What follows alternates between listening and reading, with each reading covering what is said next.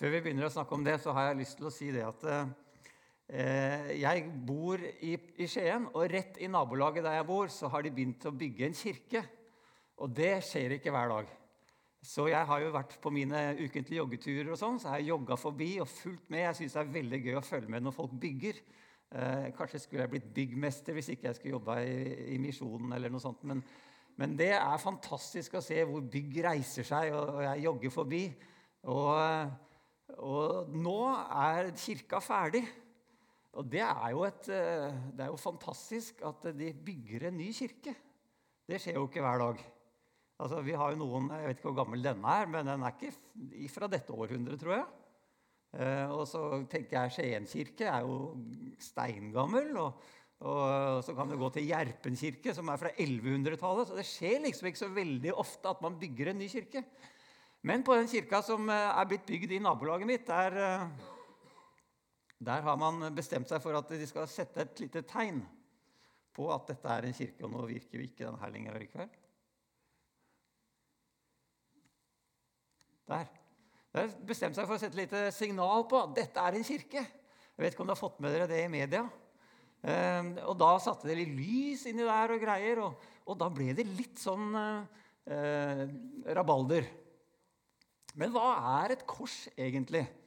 Jo, det er jo et tegn på kristen tro, er det ikke det? Men et kors er jo mye mer enn et tegn på kristen tro. Et kors er, er symbolet på den største kjærlighet som du kan finne. Det finnes ikke større kjærlighet enn den som gir sitt liv for en venn, står det i Bibelen. Og, og det var jo det Jesus gjorde når han hang på korset. For så høyt har Gud elsket verden. Det er jo et kjærlighetstegn. Eh, de som var på, på barnesøndagsskolen, de hadde hjertet som et kjærlighetstegn. Men dette er jo et like sterkt kjærlighetstegn, er det ikke det? Samtidig så er det mer enn bare et kjærlighetstegn. Det er et tegn for, eh, for seier. Fordi det står i Kolosserne at eh, Jesus han triumferte over makten og myndighetene og stilte dem åpenlyst til skue da han seiret over dem på korset. Så det er et seierstegn også. Og så er det kanskje noe av det som jeg liker veldig godt. Da. Det, er et, det er et tegn for evangeliet. Hva er evangeliet? Evangeliet er jo de gode nyhetene. Er det ikke det det heter? Om det er på gresk eller latin, jeg vet jo ikke helt uh, hva det er. Men, men, evangelium betyr de gode nyhetene. Og så tenker man ja, vi må jo markere at dette bygget her det er en kristen kirke. Så da setter man opp et to meter høyt kors oppe på taket av kirka bare for å gjøre det helt utenfor enhver tvil at dette er en kirke.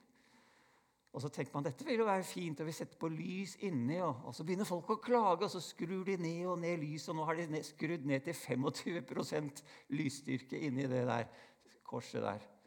Allikevel så er det noe som skjer. Det skjer i nabolaget. Og det har, det har ikke bare gått liksom, til lokale Facebook-gruppa på Bratsberg, der hvor jeg bor. Men det har jo gått til avisene, liksom de regionale avisene, Thea og, og Varden og sånne ting.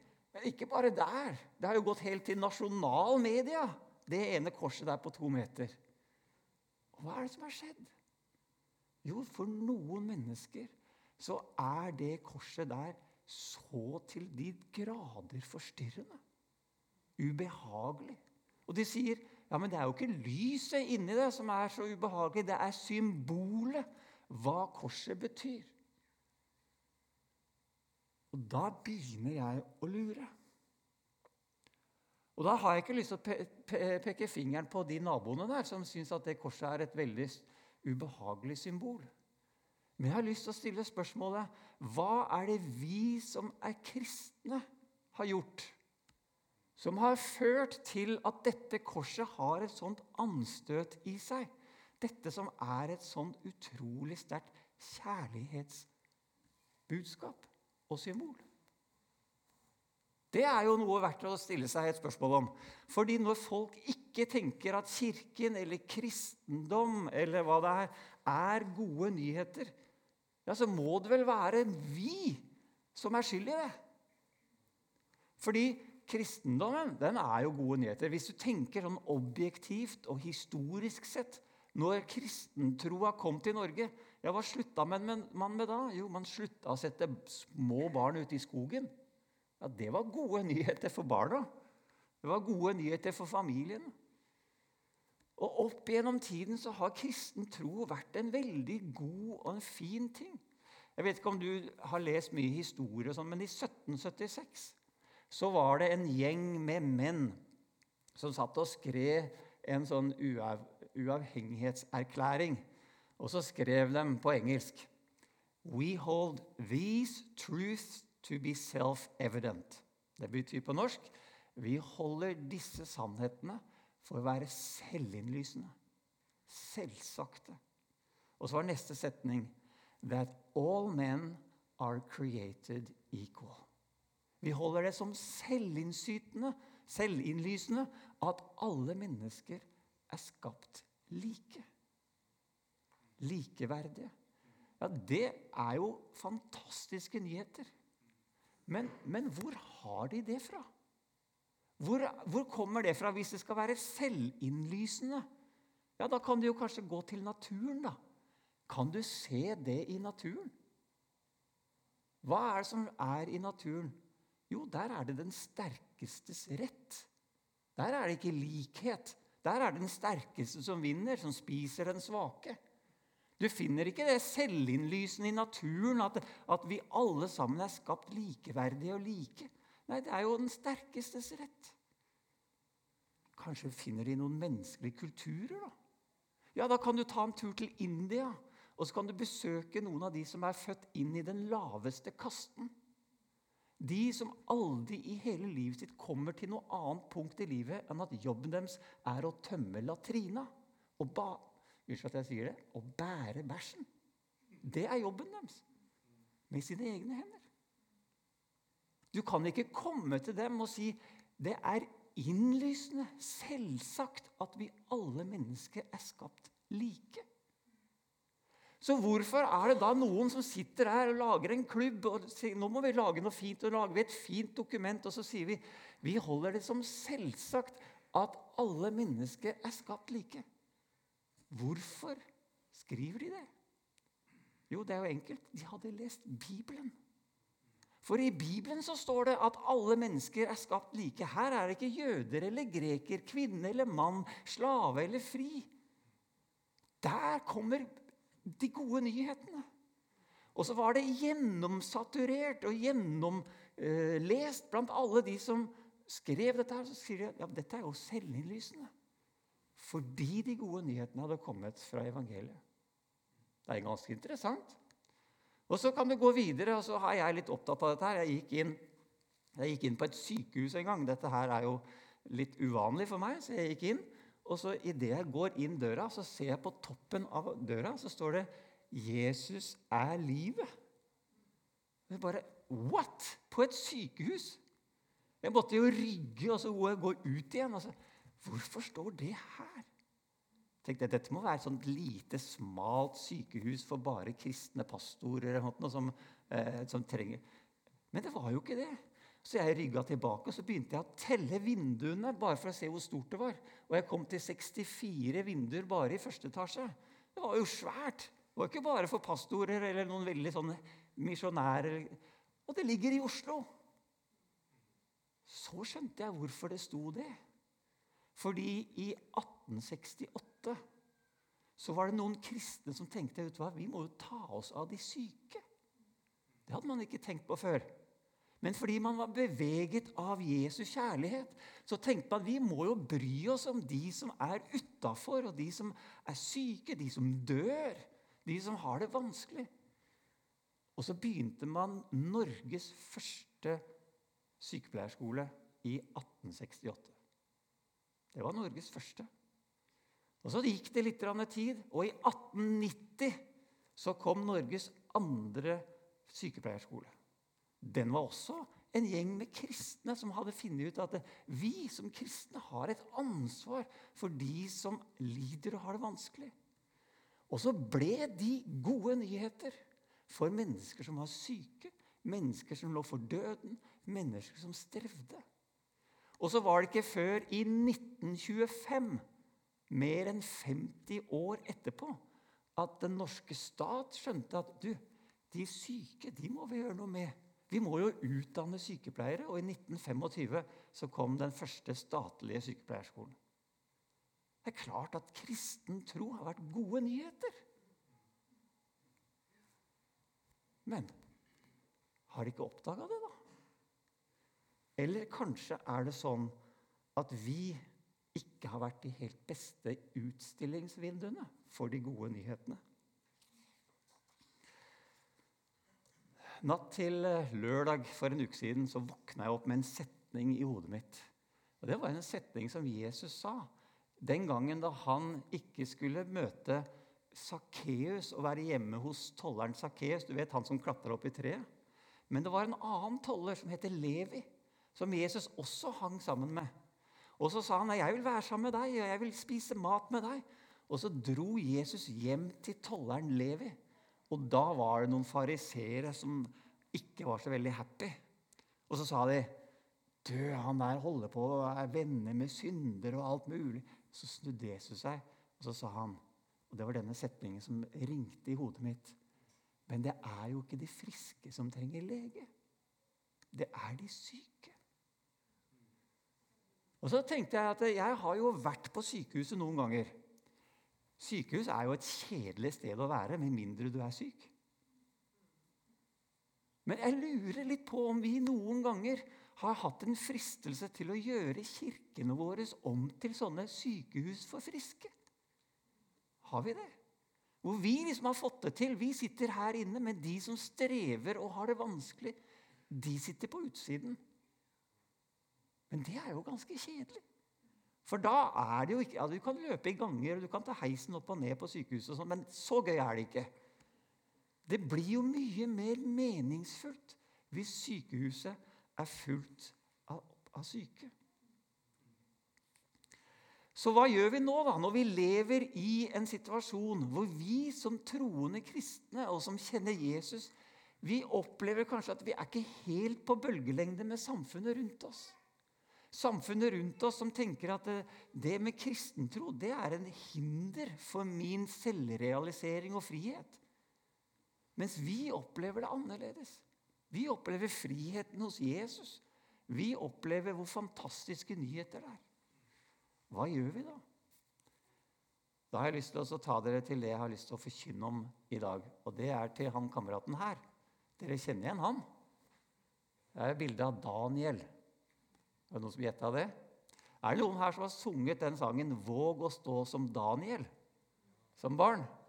Ja, Hva betyr det å stå som Daniel? Er det noen som har tenkt på det? Hvordan var det han sto? La oss ta et lite øyeblikk og se på det. Nebukadnesa var konge i Babylon. Han ville legge under seg israelsfolket.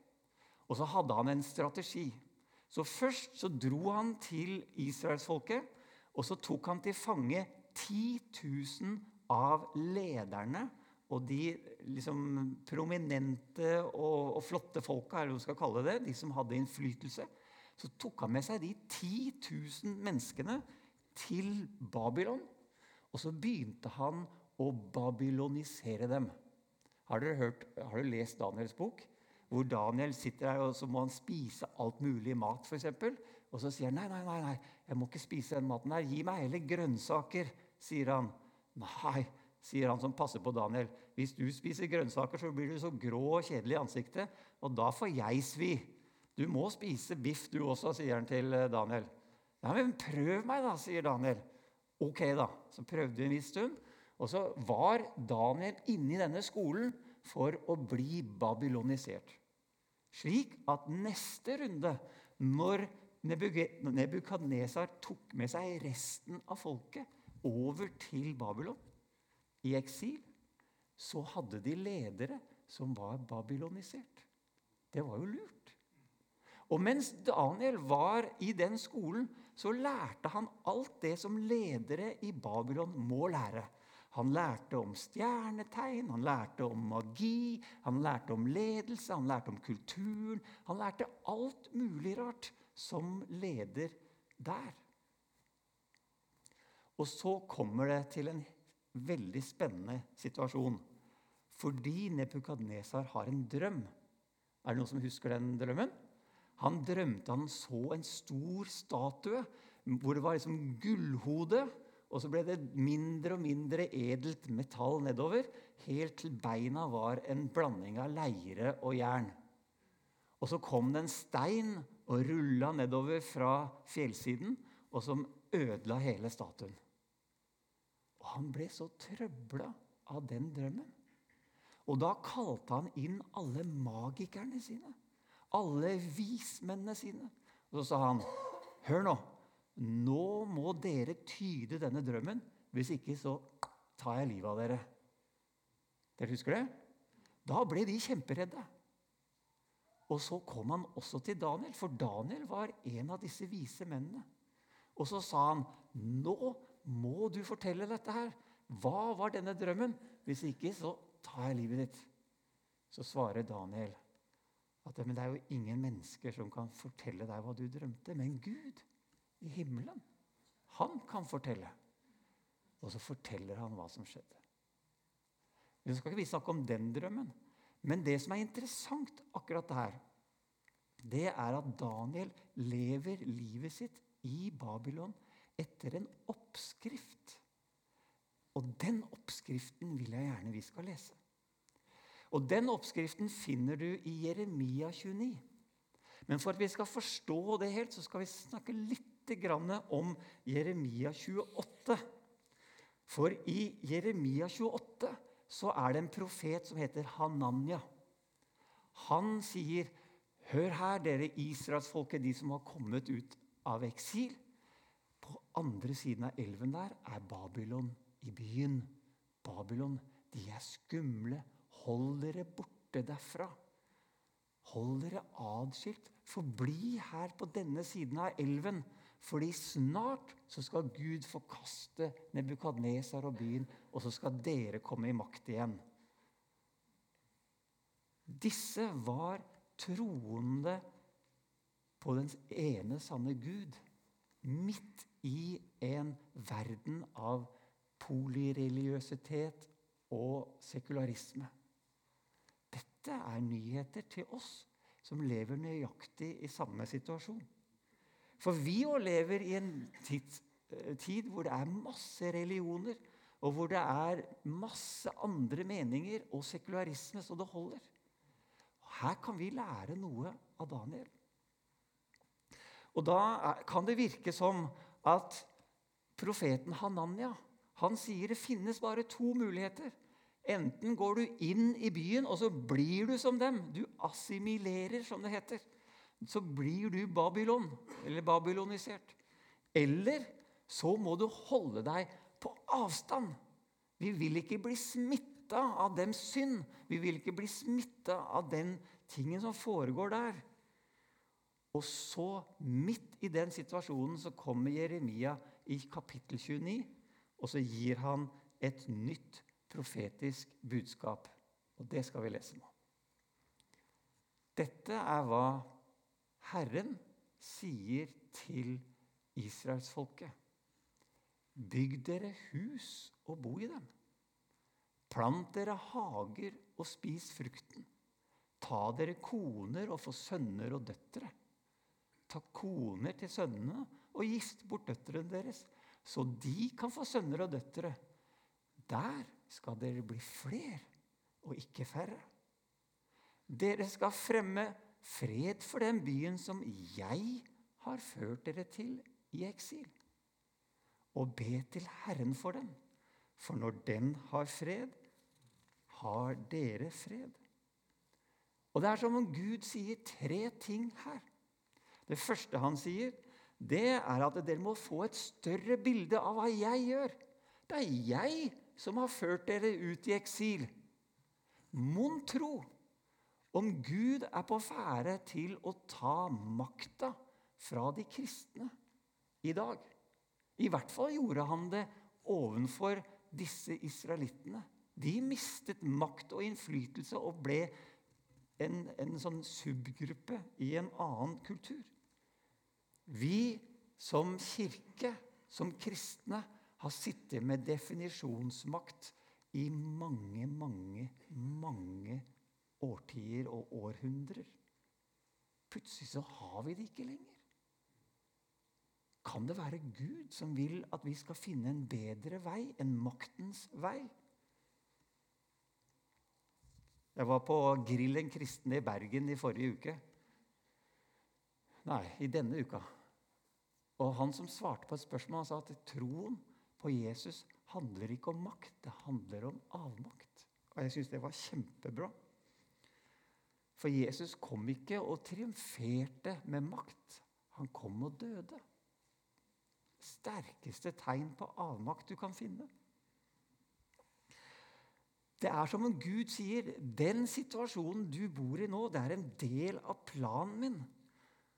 Dere skal miste den kulturelle makta, men dere skal bo i en ugudelig by.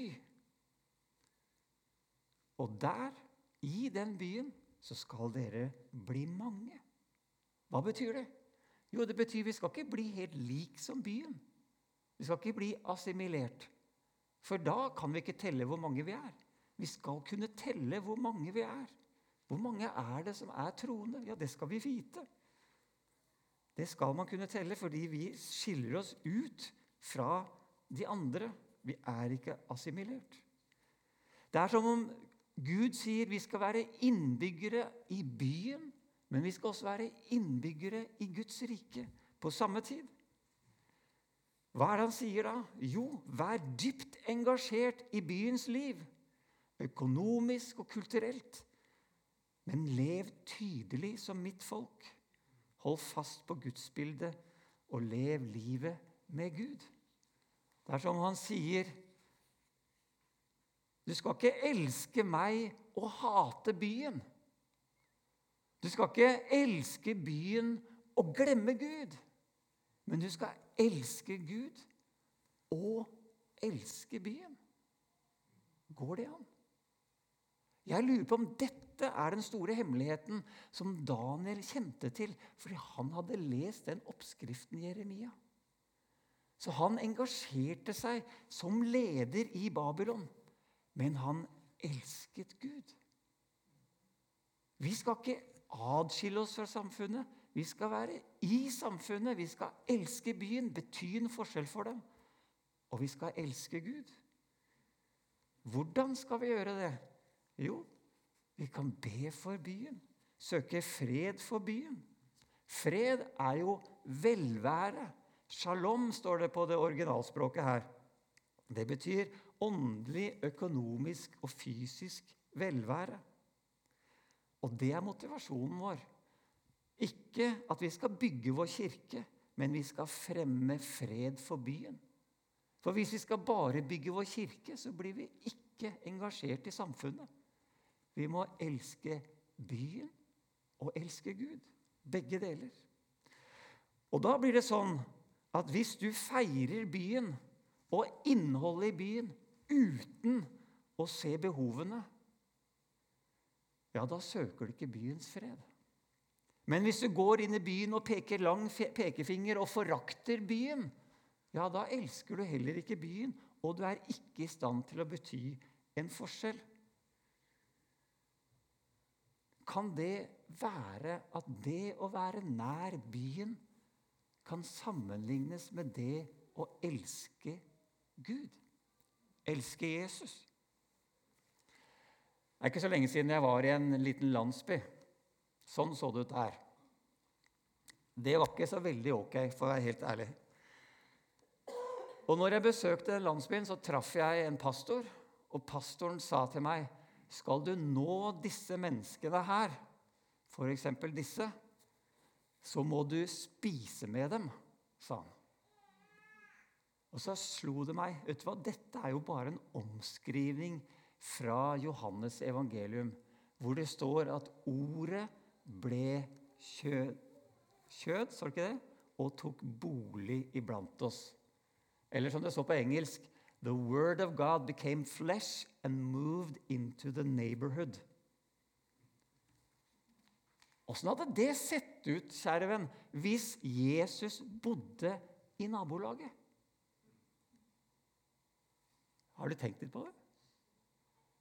Hvis Jesus var en av dem som bodde i nabolaget, hvis det var han du tok buss til skolen med hver dag Det hadde betydd litt, hadde det ikke det? Eller hva om Jesus bodde der hvor du gikk på epleslang på kvelden? Eller, eller hva om du ringte til rørleggeren og skulle fikse badet? Eller snekkeren, da. Ta snekkeren, for han var jo snekker. La oss si du ringte til snekkeren for å fikse badet, og så var det Jesus som kom. Kunne det bety noen ting i samfunnet der vi lever? Hvis Jesus får lov å ta bolig iblant oss, gjennom oss, i byen, hadde jo vært fantastisk. Jeg gikk forbi Jeg var og jobba, så gikk jeg forbi Oi, der kom det jo. Jeg gikk denne gata her. Jeg måtte ta bilde, det var en koselig gate. Litt oppi i trappa opp til kirka der så gikk jeg forbi ei gammel dame eh, flere kvelder på rad. Jeg jobba, og jobba seint. Og jobba så seint at jeg fikk ikke spist middag. Og Da skulle jeg prøve å finne meg noe mat, og da var det én restaurant som var åpen, og det var McDonald's. Og det er helt ok for meg, for jeg liker McDonald's-mat òg. Så jeg dro dit etter klokka ti på kvelden, så var det åpent. Spiste maten min og dro hjem sånn ved ellevetida på kvelden. Når jeg gikk hjem, så gikk jeg ned trappene forbi kirken der, og så så jeg ei gammel vever dame som satt der. Foran seg så hadde hun fire ting. Fem ting. Hun hadde én serviett innpakka i plastikk også med en sånn plastgaffel inni. Du vet hva, Det er sånn du får når du kjøper salat i butikken. eller noe sånt nå. En sånn Hva heter det? Heter det sånn plastlommegaffelsерviett? Jeg vet ikke. Du skjønner hva jeg snakker om. Hun hadde en av de. Så hadde hun tre Gideon Nytestamenter som hun hadde fått gratis, for de gis ut gratis. Og så hadde hun én viftereim. Hva den viftereima passa til, det er det ingen som vet. Men de fem tingene lå foran henne, så prøvde hun å selge det. Og jeg gikk fort hjem, for jeg var jo trøtt, så jeg legge meg, ikke sant? så jeg går rett forbi, akkurat som presten. Og så skjedde det samme dagen etterpå. Jeg kom seint hjem fra jobb, ville ha mat. Eneste som var åpent, McDonald's. Jeg gikk dit, på vei tilbake igjen. Samme dama, samme sted, samme fem tinga. Og som ble vitten, gikk jeg rett forbi. Tredje dagen så var jeg ferdig litt tidligere på jobb. Så jeg tenkte herlig, nå kan jeg spise noe annet enn McDonald's. Så jeg forta meg av gårde. Jeg hadde tenkt meg til Kentucky Fried Chicken. Ja, det er også noe jeg liker godt. så Det fins jo ikke i Norge, så jeg forta meg av gårde. Men denne gangen så var dama kommet ut på gata tidlig. Så når klokka var sånn ca. ni, så satt hun der. Og jeg klarte ikke å gå forbi. Så midt i regnet så satte jeg meg ned, og så begynte jeg å snakke med henne. Men hun kunne jo ikke mitt språk, og jeg kunne ikke hennes språk. Så da var det opp med mobiltelefonen og Google Translate. ikke sant? Du vet åssen du gjør det? Og det går sånn noenlunde. Og litt tegnspråk og litt sånne ting. Dama som satt der, var ei skjønn dame. altså. Hun minna meg veldig om bestemora mi. Grå i håret, Veldig sånn tynn og spinkel. Og så satt hun der med disse fem tingene foran seg. Hun het Elena. Hun hadde mann og to barn og fire barnebarn. Ja, hvorfor sitter du her med disse tingene? Jeg har problemer med huset. Ja, men å selge en serviett fikser ikke et husproblem. Det vet jo vi. Ikke noe sted i verden får du fiksa et husproblem med å selge en serviett. Vi satt og snakka sammen. Og jeg ble så grepet av hun dama. Vi tok hverandre i hendene, og vi ba sammen. Og Jeg vet ikke om hun talte i tunger eller var på sitt eget språk, for jeg skjønte jo ingenting av hva hun ba. Men det ble en sånn connection. Og idet jeg reiste meg opp, så tenkte jeg vet du hva, jeg må jo bare gi henne alt jeg har. Og tømte lommene mine der. Det var jo ingenting. Men jeg gikk derfra, så ja, jeg måtte gå til McDonald's igjen, for det var ikke noe annet igjen. Jeg har satt her så lenge. Men det var som å gå på skyer. Jeg vet ikke hvorfor, men jeg har blitt så glad. Jeg hadde gitt henne kanskje tilsvarende 180 kroner. Det var jo ikke veldig mye penger.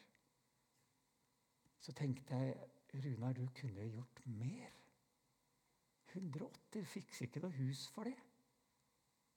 Kunne gi ti ganger så mye. 1800, det hadde vært bedre. Nei, Runar. 1800, det er jo bare en, det er en enkel sak for deg. 18 000 hadde vært mye bedre. Så tenkte jeg Runar, vet du du kunne gitt 1000 ganger mer. du. 180 000. Da måtte du kanskje tatt opp et lån, da, men du kunne ha gjort det. Så kjente jeg at det var jo ikke det at jeg hadde gitt så mye. Men jeg hadde møtt Elena. Og hun hadde prega livet mitt. Det var helt rått. På jobben min der så gikk jeg rundt i sånne hus sånn som dette her. Og når jeg kom inn i huset Det er helt sjukt å tenke på, men i det huset der så bor det hun dama som står med tøyvasken, og ti barn. Som regel så er det jordgulv. Og som det er her, så ser du at det er litt luftig over, eh, over selve taket der. Det er ikke noe isolasjon, det er bare en tynn, tynn uh, gipsplate. Og den er mye sprekk. Og det blir 20 kuldegrader her. Men når jeg var inne i disse husene, noen ganger så satt jeg der med blinde mennesker, noen ganger satt jeg med andre som var syke, eller, andre, eller noen ganger bare med fattige mennesker. Og hver gang jeg var inne i et sånt hus, så sa de, 'Å, be for meg. Velsigne meg.'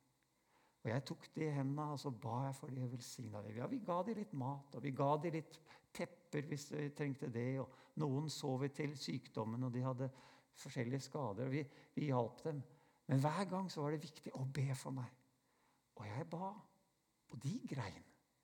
Nytt hus, og be for meg. Og jeg ba, og de grein. Etter å ha gjort dette til x antall hus, så tenkte jeg nå begynner jeg å bli ganske god til å be for folk i sånne dårlige hus. En stygg, stolt tanke. Så reiste jeg hjem derfra. Og når idet jeg lander på Gardermoen, skrur jeg på telefonen så har det tikka inn en melding fra dattera mi. Og dere skulle jo ha truffet datteren min, og jeg er jo veldig glad i henne og stolt av henne. Men, men hun har jeg ofte brukt som mentor. Når, eller hun har vært en selvoppnevnt mentor når jeg har vært ute og preka. og sånn. 'Pappa, du må si sånn og sånn. Du må fortelle sånn og sånn.' 'Og så må du ha på deg disse klærne.' Og så legger hun gjerne ut klærne, spesielt hvis det er ungdomsmøte. Så legger hun klærne ut på senga, så at jeg skal vite hva jeg skal ha på meg.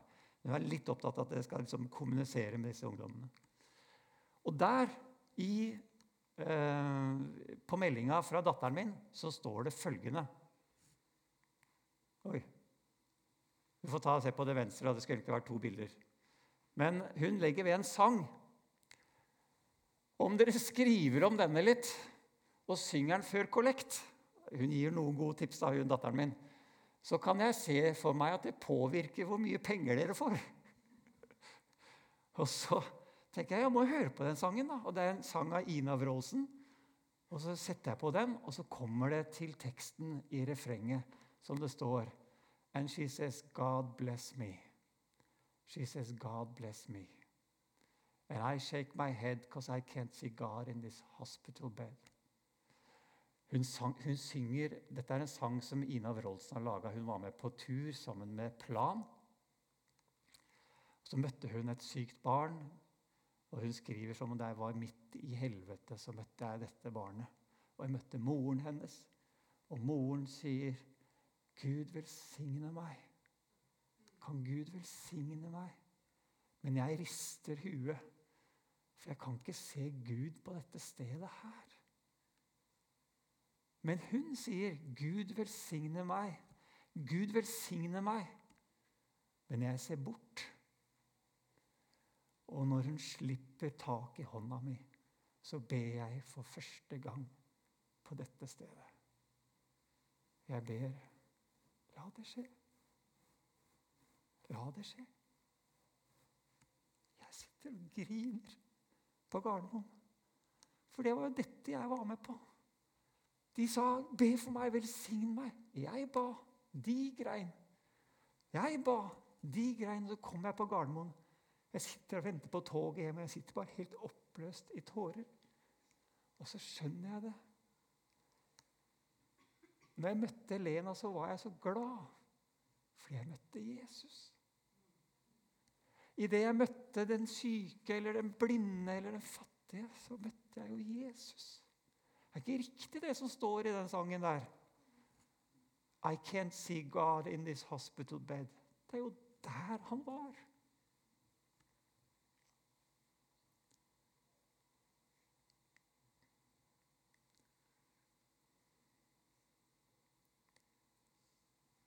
Når så du Jesus sist?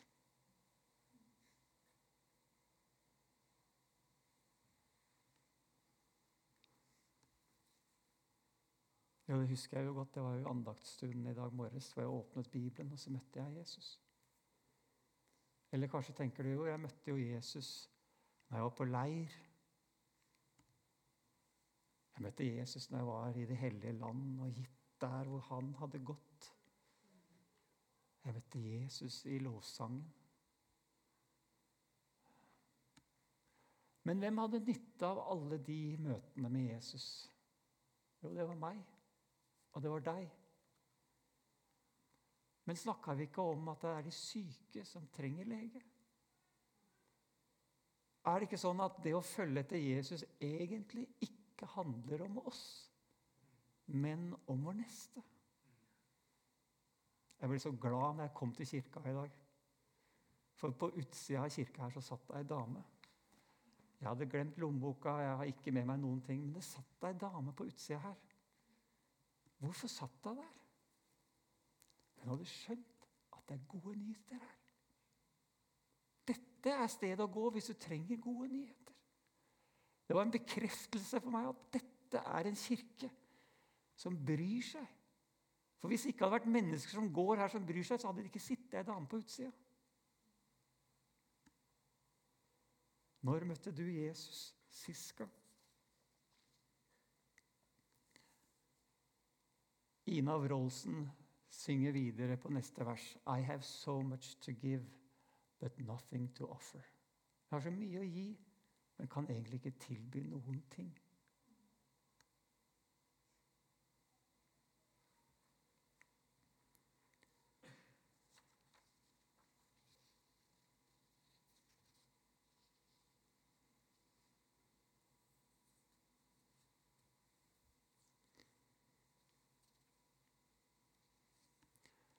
Hva er det som gjør at Ina Wroldsen, som ikke fremstår som en veldig troende person, og Plan, som er en gjennomsekulær hjelpeorganisasjon, hva er det som gjør at de publiserer en sang om å be til Gud?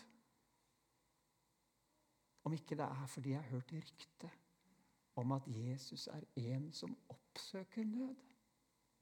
En som bryr seg. En som flytter inn i nabolaget og bryr seg der det er nød. Jeg møtte ei jente. Hun var ei ung jente. Jeg kunne se smerte i ansiktet hennes. Og så tenkte jeg jeg må jo snakke med henne. Så jeg fikk med meg en tolk bort, og så spurte jeg hei, hva heter du? Maria, sa hun. Å, hvor gammel er du? spurte jeg. Tolv år, svarte jeg. Er ikke så veldig god på smalltalk, så da stoppa nesten hva jeg kunne spørre om. liksom. Og jeg var 50, ikke sant? og hun var 12. Hva skal man prate om da? Det er ikke så lett. Jeg kom på én ting til. Ja, men mamma og pappa, da, er de her i nærheten, eller? Det var jo en park. Nei, mamma og pappa er i Polen, sa hun. Å, Polen? Der har jeg vært mange ganger. Jeg har vært i Gdansk, vært i Warszawa, vært i Krak. Alle sånne fine turiststeder. ikke sant? Hva gjør de i Polen? Da tenkte jeg, nå har vi noe å snakke om her. Hva gjør de i Polen? Nei, de jobber der.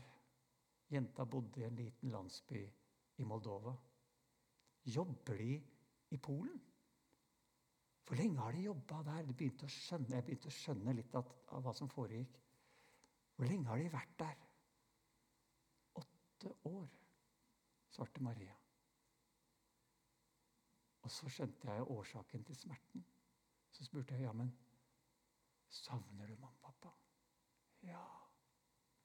Og så ble smerten så tydelig. Fra hun var fire, så har hun vært en foreldreløs i hjembyen sin. Fordi både mamma og pappa måtte flytte. Flytte for å få seg jobb. Så de polakkene som kommer til Norge, de lager et vakuum i Polen. Så da flytter de fra Moldova til Polen. Så tjener de bitte lite grann mer enn det de gjorde i Moldova. Men tenk deg å være foreldreløs så lenge. Hva om vi som troende kunne elske Jesus og elske byen? For noen av oss er byen nabolaget der vi bor, gata der vi bor. For noen av oss så er byen Porsgrunn. For noen av oss så er byen som vi skal elske, Norge. For noen av oss så er den byen vi kan få lov å elske, hele verden. Og For noen av oss så betyr det å elske Jesus og elske byen at vi går og hogger ned et tre og lager det om til ved, og så giver det bort til en nabo som fryser i disse dyre strømtider.